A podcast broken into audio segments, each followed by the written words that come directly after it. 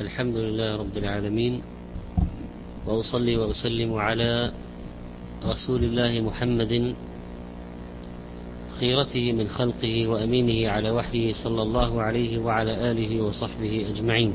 وبعد فنتم ما كنا قد بدأنا فيه من شرح هذا الكتاب المبارك للحافظ بن حجر رحمه الله تعالى بلوغ المرام وكنا في كتاب الصلاة في حديث ابن عباس رضي الله عنه قال قال رسول الله صلى الله عليه وسلم ألا وإني نهيت أن أقرأ القرآن راكعا أو ساجدا فأما الركوع فعظموا فيه الرب وأما السجود فاجتهدوا في الدعاء فقمن أن يستجاب لكم رواه مسلم. ومعنى قمن أي حقيق وجدير وخليق أن يستجاب لكم دعاؤكم. وهذا الحديث ظاهره يقتضي تحريم قراءة القرآن في الركوع والسجود إلا أن الجمهور قد حملوا هذا النهي على الكراهة ووجدوا المقام لا يقتضيه أي التحريم لا يقتضي التحريم. لكن قراءة القرآن في الركوع والسجود لا تنبغي لمسلم. لنهي صلى الله عليه وسلم أولا ولأن الركوع والسجود حال ذل وانخفاض لا يليق معه أن يقرأ المسلم كلام ربه في هذه في هذين الموضعين. لكن إن أتى بدعاء من القرآن على سبيل الدعاء وليس على سبيل تلاوة القرآن فلا بأس بذلك. كما لو قال ربنا آتنا في الدنيا حسنة وفي الآخرة حسنة وقنا عذاب النار في سجوده مثلا. ويجب تعظيم الرب جل وعلا في حالة الركوع. ولما نزل قول الله تعالى فسبح باسم ربك العظيم قال النبي صلى الله عليه وسلم اجعلوها في ركوعكم. كما أننا ننزه الرب جل وعلا في السجود. ولما نزلت سبح, سبح اسم ربك الأعلى قال النبي صلى الله عليه وسلم اجعلوها في سجودكم.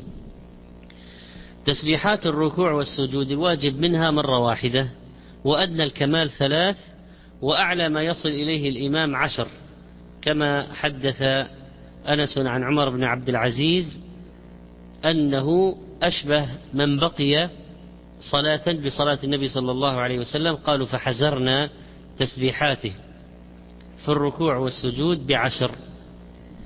والثلاث لمن كان إماما أو لا لأجل أن لا يشق على الناس.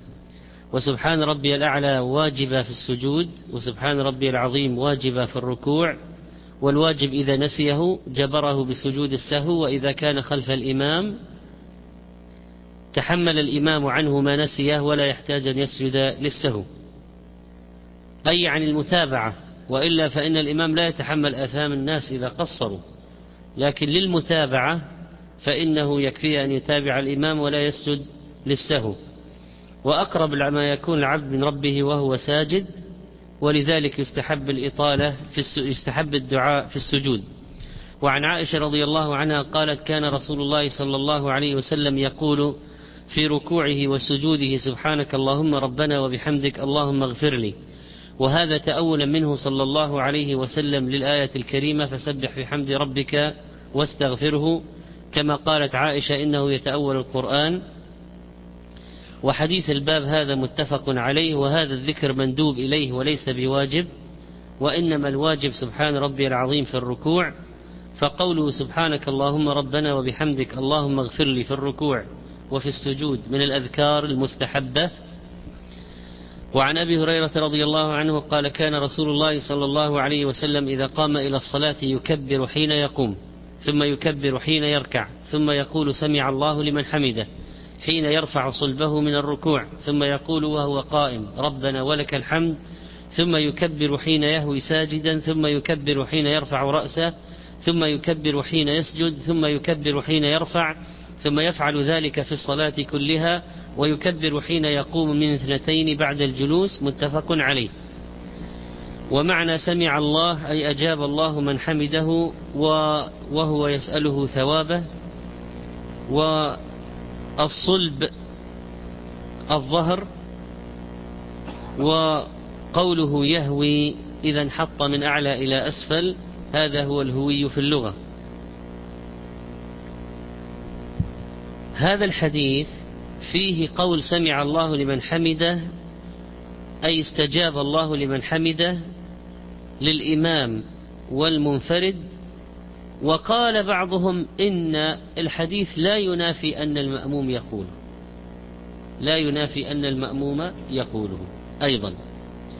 ولكن الأكثر جمهور العلماء على أن المأموم يقتصر على التحميد. وقوله في الحديث حين يقوم حين يركع حين يهوي دليل على أن التكبير مقارن للحركة. هذه هي السنة. التكبير مقارن للحركة لا قبلها ولا بعدها.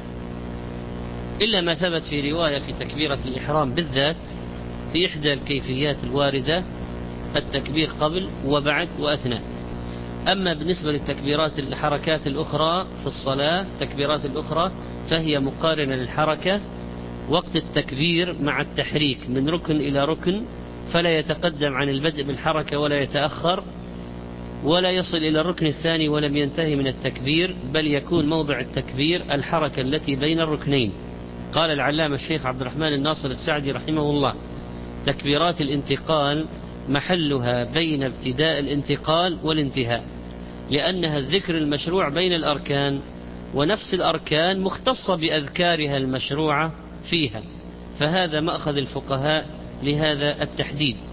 وهذا هو الأولى ولكن لا يجب لعسر التحرز منه إنما يحرص الإمام عليه وينبغي على المأمومين أن يراعوا ذلك إذا أرادوا أن يعرفوا هل سبقهم الإمام بالرفع من الركوع أم لا حتى يعرفوا هل أدركوا الركعة أم لا.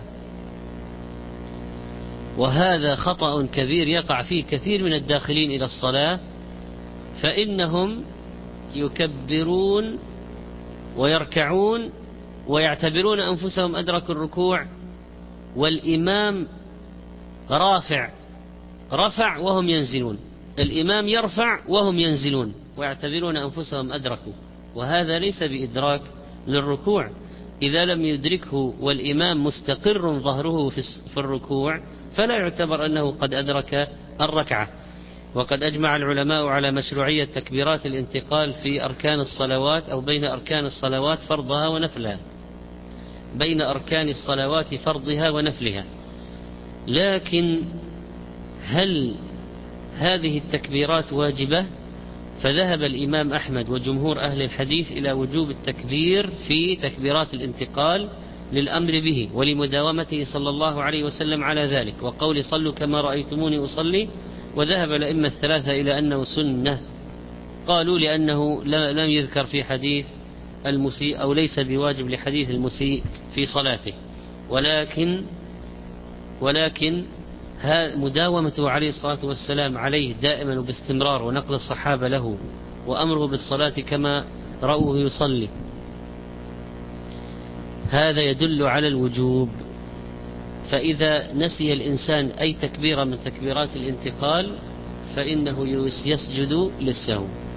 وعن أبي سعيد الخدري رضي الله عنه قال كان رسول الله صلى الله عليه وسلم إذا رفع رأسه من الركوع قال اللهم ربنا لك الحمد ملء السماوات والأرض وملء ما شئت من شيء بعد أهل الثناء والمجد أحق ما قال العبد وكلنا لك عبد اللهم لا مانع لما أعطيت ولا معطي لما منعت ولا ينفع ذا الجد منك الجد رواه مسلم.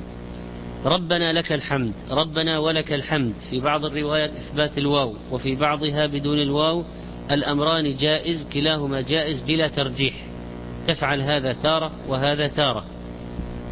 والمجد هو غاية الشرف وكثرته والرفعة. ومعنى لا مانع لما أعطيت لا رد لما أردت إعطاءه ولا يمنعك من العطاء شيء. ومنك قوله منك أي من مؤاخذتك. وقوله ولا ينفع ذا الجد منك الجد. المعنى الجد الغنى أي لا ينفع صاحب الغنى عنده غناك ولا ينفع صاحب الحظ والبخت لا ينفعه حظه ولا بخته عندك. وبعضهم قال ذا الجد يعني لا ينفع صاحب الاجتهاد اجتهاده لا ينفع صاحب الاجتهاد اجتهاده عندك إنما تنفعه رحمتك. وهذا الحديث يدل على أن الواجب قول ربنا ولك الحمد وهذا وكل ما زاد فهو أفضل حتى نهاية هذا الذكر الوارد مشروع للإمام والمأموم والمنفرد في الفرض والنفل. ومعنى ربنا ولك الحمد أي أطعنا وحمدنا فلك الحمد. وعن ابن عباس رضي الله عنه قال قال رسول الله صلى الله عليه وسلم أمرت أن أسجد على سبعة أعظم على الجبهة وأشار بيده إلى أنفه واليدين والركبتين وأطراف القدمين متفق عليه. أمرت مبني لمجهول والآمر هو الله عز وجل. وأشار بيده إلى أنفه معناها أن الجبهة والأنف اعتبرهما عضوا واحدا لأنه قال على الجبهة وأشار إلى أنفه. فاعتبرهما واحدا ولو كانوا اثنين كان صاروا ثمانية. وهذا الحديث يبين أنه يجمع بين الأنف والجبهة عندما يسجد وإلى هذا ذهب جمهور العلماء إلى وجوبه. واليد إذا أطلقت كالحديث هنا فالمراد بها الكف فقط. قال العلماء يجزئ من كل عضو بعضه على في السجود فالجبهة لا يشترط أن يضعها كلها جزء من الجبهة وكذلك الأنف وكذلك قالوا في أصابع القدمين لا يشترط أن توضع القدم كلها أصابع وليس كل الأصابع لكن الواجب الواجب فبعضها يكفي في الوجوب. كذلك راحة اليد. لكن السنة ثني أصابع قدمين ثني أصابع القدمين لتكون متجهة إلى السجود أثناء السجود. وكذلك أن تكون الأرض كل أن تكون الكف كلها مبسوطة على الأرض غير مقوسة مبسوطة. الكف على الأرض والأصابع متجهة إلى القبلة. ماذا بالنسبة إذا كان الإنسان سجد على حائل؟ هل يجب أن يباشر الأرض بالسجود أم لا؟ الجواب إنه لا يجب على الساجد مباشرة. لا يجب على الساجد أن يباشر الأرض بأعضائه فلو سجد على على حائل صحت صلاته. لكن يكره ترك المباشرة باليدين والجبهة بلا عذر من حر وبرد. والحكمة أن القصد من السجود مباشرة أشرف الأعضاء للأرض ليتم الخضوع والتواضع. ولكن هذا الحائل ليس سواء. فإذا كان الحائل من أعضاء السجود فالسجود باطل. فلو واحد سجد على أصبع أو أصبعين وضع جبهته على أصبع أو أصبعين فسجوده باطل. لو سجد على كفه فسجوده باطل. ماذا إذا كان الحائل متصلا به؟ يكره لما ورد من الحديث في ذلك إلا إذا وجد عذر كحر وشوك ولم يجد ما يتقي به من حائل منفصل لا بأس أن يسد على طرف الكم على ما يلبسه من غطاء الرأس كور العمامة ونحو ذلك. إذا كان الحائل منفصلا كالخمرة التي صلى عليها النبي صلى الله عليه وسلم كما ثبت في الصحيح مثل السجادة والحصير فلا بأس بهذا. ومعنى تمسحوا بالأرض فإنها بكم برة أي باشروها في السجود كما جاء في الحديث وحسنه الألباني رحمه الله. ولا يكره السجود على الصوف والبسط وغيرها من الأمتعة وقد دلت الأحاديث والآثار كما قال شيخ الإسلام بن تيمية رحمه الله على أنهم في حال الاختيار يباشرون الأرض بالجباه وعند الحاجة كالحر ونحوه يتقون بما يتصل بهم من طرف ثوب وعمامة ولهذا كان أعدل الأقوال في هذه المسألة أنه يكره ذلك يعني في السجود على ما اتصل من الثياب ما اتصل من الثياب بالإنسان أنه يكره ذلك إلا عند الحاجة فإنه يباح تزول الكراهية. الحاجة ترفع الكراهية. وعن ابن بحينة رضي الله عنه أن النبي صلى الله عليه وسلم كان إذا صلى وسجد فرج بين يديه حتى يبدو بياض إبطيه متفق عليه والتفريج المباعدة فينح فينحي كل يد عن الجانب الذي يليه والإبط جمع آباط وضم أصابعه المقصود بها أصابع اليدين. فهذا يبين أن مجافاة الساجد عضديه عن جنبيه. العضد هذا عن جنبيه عن الجنب والبطن عن الفخذين و وكذلك وكذلك الفخذين عن الساقين. كم مجافاة عندنا؟ ثلاثة. العضدين عن الجنبين والبطن عن الفخذين والفخذين عن الساقين. ما لم يؤذي جاره. فإذا كان في صلاة الجماعة ووجد أنه إذا جنح أو بالغ في هذه المباعدة آذى من بجواره. إذا يقلل من ذلك ويقتصد فيه ولا يبالغ لئلا يؤذي جاره. هذا بالنسبة للعضدين عن الجنبين. كذلك فإنه أن هذا الحديث يدل على أن الإبط ليس من العورة في الصلاة وأن ظهوره لا يخالف الآداب العامة بين الناس لأن الصحابي قال عن النبي صلى الله عليه وسلم في سجوده أنه فرج بين يديه حتى يبدو بياض إبطيه. وعن البراء بن عازب رضي الله عنه قال قال رسول الله صلى الله عليه وسلم إذا سجدت فضع كفيك وارفع مرفقيك. رواه مسلم. وعن وائل بن حجر رضي الله عنه أن النبي صلى الله عليه وسلم كان إذا ركع فرج بين أصابعه وإذا سجد ضم أصابعه رواه الحاكم. قال ابن حجر رحمه الله وله شاهد من حديث أبي حميد عند أبي داود وكذلك له شاهد عند أحمد فهذا الحديث حسن. فقلنا إنه يجزئ وضع أي جزء من اليدين على الأرض والأفضل تمكين الباطن منهما باطن الكفين واستقبال القبلة بأصابعهما. ويدل على ضم اليدين أثناء السجود هذا الحديث ليحصل كمال استقبال القبلة وهو أعون على تحملها أثناء السجود. وكذلك فإن المرأة لو قالت أنا ماذا أفعل في هذه الأحكام؟ فقد قال الفقهاء المرأة تضم نفسها في ركوع وسجود وغيرهما فلا تتجافى. لو تجافت ظهر ظهور الإبطين من المرأة في الصلاة هذه عورة يجب سترها فلا تجافي حتى يظهر البطين. فربما تكون تلبس مثلا قميصا مفتوح الأكمام وعليه غطى الصلاة فإذا جافت ربما ظهر بحسب حال هذا الغطاء. قالوا وتسدل رجليها في جانب يمينها في جلوسها لأن لو افترشت ممكن يظهر جزء من الساق الأيمن. وذلك لما أخرجه أبو داود في مراسيله وقال البيهقي هذا المرسل أحب إلي من موصولين فيه.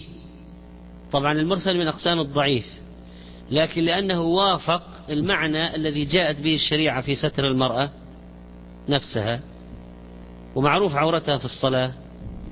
فقال البيهقي في حديث إذا سجدتما فضم بعض اللحم إلى الأرض فإن المرأة في ذلك ليست كالرجل. أن هذا المرسل أحب إليه من موصولين فيه. و جاء عن عائشة رضي الله عنها أيضا قالت رأيت رسول الله صلى الله عليه وسلم يصلي متربعا رواه النسائي والصحابة بن خزيمة وهذا حديث صحيح والتربع معروف أن يجعل باطن قدمه اليمنى تحت الفخذ اليسرى وباطن اليسرى تحت الفخذ اليمنى. كيف فعل؟ متى فعل ذلك النبي صلى الله عليه وسلم؟ لما سقط عن فرسه وانفكت قدمه فصار عليلا فجعل يصلي قاعدا متربعا. فهذا يبين كيفية قعود المريض في الصلاة أنه يصلي متربعا. وإذا قال قائل ما هو حد القيام الذي ما هو حد العجز الذي يسقط القيام؟ فقد قال إمام الحرمين رحمه الله الذي أراه في ضبط العجز أن يلحقه بالقيام مشقة تذهب خشوعه. أن يلحقه بالقيام مشقة تذهب خشوعه لأن الخشوع مقصود الصلاة. لكن هذا الشخص الذي صلى قاعدا لأجل المرض هل له أجر القائم أم ماذا؟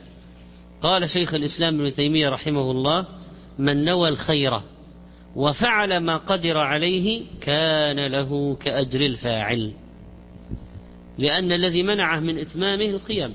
منعه من إتمامه العجز. منعه من القيام العجز. منع من إتمام الأفعال كلها في الصلاة العجز. هذا بخلاف من يختار القعود في صلاة النافلة بدون عذر فيكون له نصف الأجر. وعن ابن عباس رضي الله عنهما أن النبي صلى الله عليه وسلم كان يقول بين السجدتين اللهم اغفر لي وارحمني واهدني وعافني وارزقني. رواه الأربعة إلا النسائي.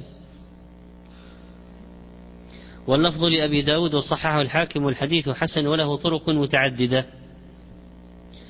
اللهم اغفر لي وارحمني واهدني وعافني وارزقني. ما هي؟ عد الدعاء.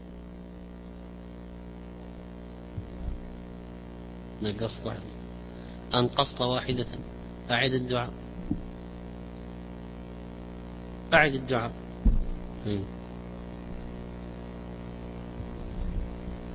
أنقصت واحدة. أعد الدعاء. جيد. أعد الدعاء. أعد الدعاء. هي خمسة. أعد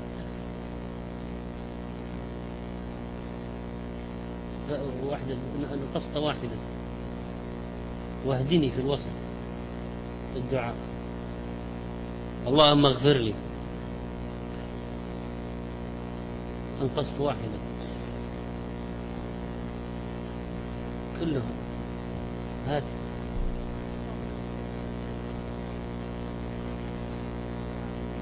واهدني وعافني وارزقني. هذا الدعاء مهم لأنه فيه الجمع بين خيري الدنيا والآخرة. اللهم اغفر لي وارحمني في الآخرة. واهدني وعافني وارزقني في الدنيا. فإذا جمع بين خيري الدنيا والآخرة فهو دعاء عظيم. لكن هذا لا يجب بين السجدتين لا إنما هو سنة مستحبة. الواجب منه رب اغفر لي في عند الحنابلة رب اغفر لي فقط. وذهب المالكية والشافعية والحنابلة وذهب وذهب الباقون الجمهور الأئمة الثلاثة المالكية والحنفية والشافعية إلى أنه مستحب حتى رب اغفر لي. ولكن القول بوجوب رب اغفر لي بين السجدتين قول قوي. نعم بهذا التمام ليس بواجب لكن يحافظ عليه المسلم لأنه لما فيه من الخير العظيم لما فيه من الخير العظيم والعميم الذي يشمل الدنيا والآخرة. ولذلك لما جاء الرجل للنبي عليه الصلاة والسلام قال يا رسول الله كيف أقول حين أسأل ربي؟ قال قل اللهم اغفر لي وارحمني فإن هؤلاء تجمع لك دنياك وآخرتك وعافني وارزقني. فهذه مما تفيد الإنسان كثيرا في دنياه. وعن مالك بن الحويرث رضي الله عنه أنه رأى النبي صلى الله عليه وسلم يصلي فإذا كان في وتر من صلاته لم ينهض حتى يستوي قاعدا رواه البخاري. الحديث يدل على استحباب هذه الجلسة وهي جلسة الاستراحة فإذا قام المصلي من الأولى إلى الثانية ومن الثالثة إلى الرابعة فإنه يستوي جالسا كما يجلس بين السجدتين ثم ينهض بعد ذلك. فالاستراحة طلب الراحة. والمصلي قد يحتاج إليها فلذلك يفعلها هي سنة في كل الصلوات التي فيها وتر عند القيام. كما هو مذهب الشافعي رحمه الله وذهب الثلاثة إلى عدم الاستحباب. وفي هذه المسألة كلام طويل. واختار الشيخ تقي الدين رحمه الله أنه صلى الله عليه وسلم جلس في آخر عمره عند كبره جمعا بين الأخبار. فإذا منهم من قال هي سنة مستحبة في كل الصلوات وأنت شاب وأنت شايب في كل الأعمار والمراحل. ومنهم من قال إنها خاصة بالحاجة إذا احتاج إليه. وعن أنس رضي الله عنه أن النبي صلى الله عليه وسلم قنت شهرا بعد الركوع يدعو على أحياء من أحياء العرب ثم تركه. متفق عليه.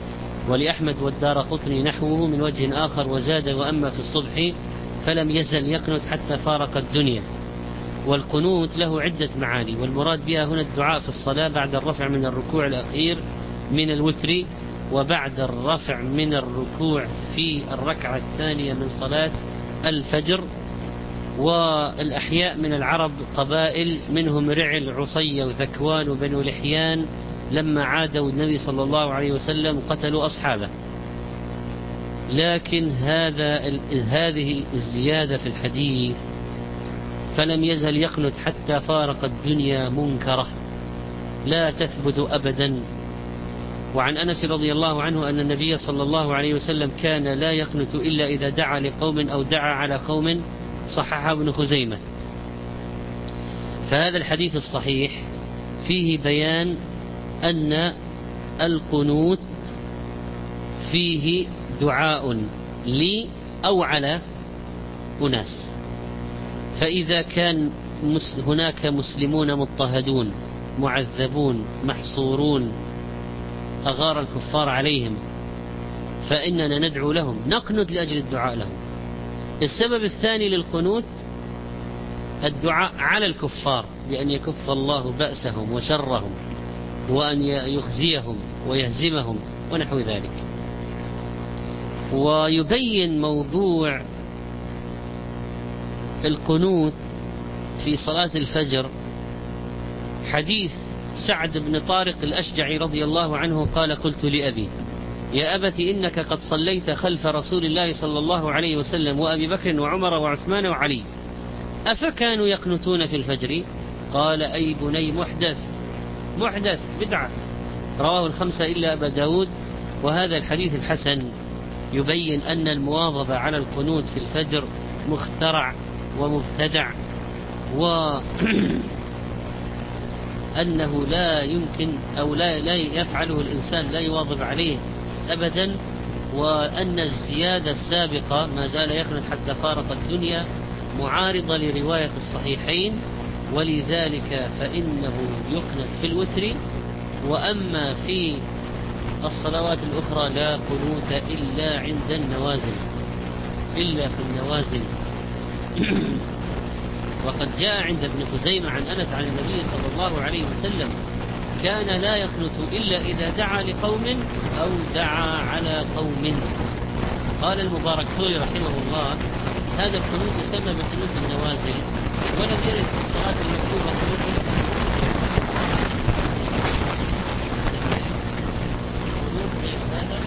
وهو مخصوص بالوقائع والنوازل ولا يختص بصلاة دون صلاة. فيمكن أن يخرج في المغرب والظهر في العصر. لكن هناك صلوات ربما كان الخروج فيها أكثر من الأخرى كصلاة الفجر. بالنسبة للخروج النوازل و يقول شيخ الإسلام تيمية رحمه الله لا يقنت في غير الوتر المصلي. إلا أن تنزل بالمسلمين نازلة فيقنت كل مصل في جميع الصلوات لكنه في الفجر والمغرب آكد بما يناسب تلك النازلة في الفجر والمغرب آكد لو كانت في الظهر والعصر لو اشتدت النازلة وكانت حتى في الظهر والعصر والعشاء فلا بأس بذلك. وعن الحسن بن علي رضي الله عنهما أنه قال علمني رسول الله صلى الله عليه وسلم كلمات أقولهن في قنوت الوتر اللهم اهدني فيمن هديت وعافني فيمن عافيت وتولني فيمن توليت وبارك لي فيما أعطيت وقني شر ما قضيت فإنك تقضي ولا يقضى عليك وإنه لا يذل من وليت ولا يعز من عاديت وإنه لا يذل من وليت تبارك ربنا وتعاليت. رواه الخمسة زاد الطبراني والبيهقي ولا يعرف الحديث زاد النسائي من وجه آخر في آخره وصلى الله تعالى على النبي وللبيهقي عن ابن عباس قال كان رسول الله صلى الله عليه وسلم يعلمني الدعاء ادعو به في القنوت من صلاة الصبح وفي سنده ضعف أي هذا الأخير فأما الأول فهو حديث صحيح رواه داود والترمذي والنسائي وغيره بإسناد صحيح. وأما زيادة لا يعز من عادين فقد ضعفها النووي وقواها ابن حجر الملقن فإذا إلى الدعاء هذا طيب.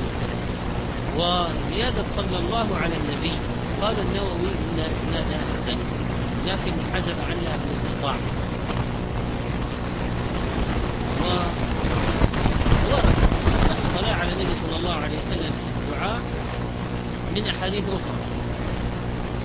اهدني في من هديت لقد هدى النبيين والصديقين والشهداء والصالحين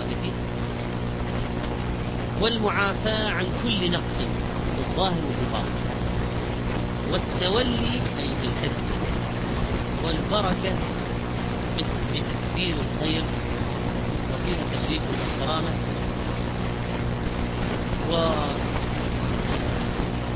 وقوله تباركت تعاظمت وتزايد برك وإحسانك وكثر خيرك الحديث هذا يعلمنا فيه النبي صلى الله عليه وسلم ماذا نقول في قنوتنا في وترنا. واستحباب هذا الدعاء الجامع لخيري الدنيا والآخرة. ماذا بالنسبة لرفع اليدين؟ استحب الجمهور رفع اليدين حال الدعاء.